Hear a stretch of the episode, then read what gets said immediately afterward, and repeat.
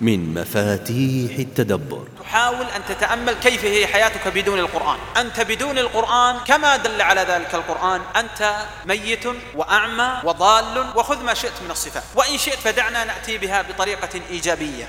أنت مع القرآن حي ومبصر ومهتد وبدون ذلك سيأتيك من أضدادها بحسب بعدك عنها.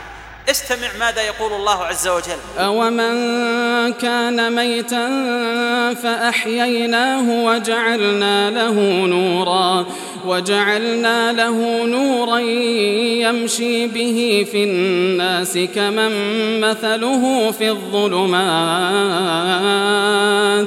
كمن مثله في الظلمات ليس بخارج منها. ويقول تعالى وكذلك أوحينا إليك روحا من أمرنا. تأمل في دلالة كلمة الروح على الحياة. روحا من أمرنا. هذه دلالة الحياة. ما كنت تدري هذه دلالة العلم. ما كنت تدري ما الكتاب ولا الإيمان.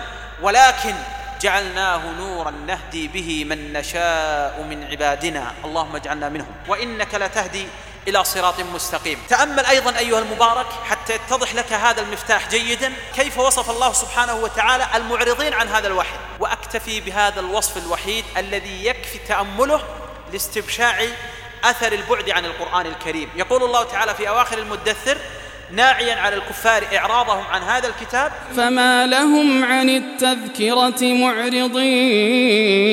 كيف شبههم ربك؟ كأنهم حمر مستنفرة فرت من قسورة. كأنهم حمر جمع حمار. حمر مستنفرة فرت من قسورة. هي صورة المعرض عن القرآن.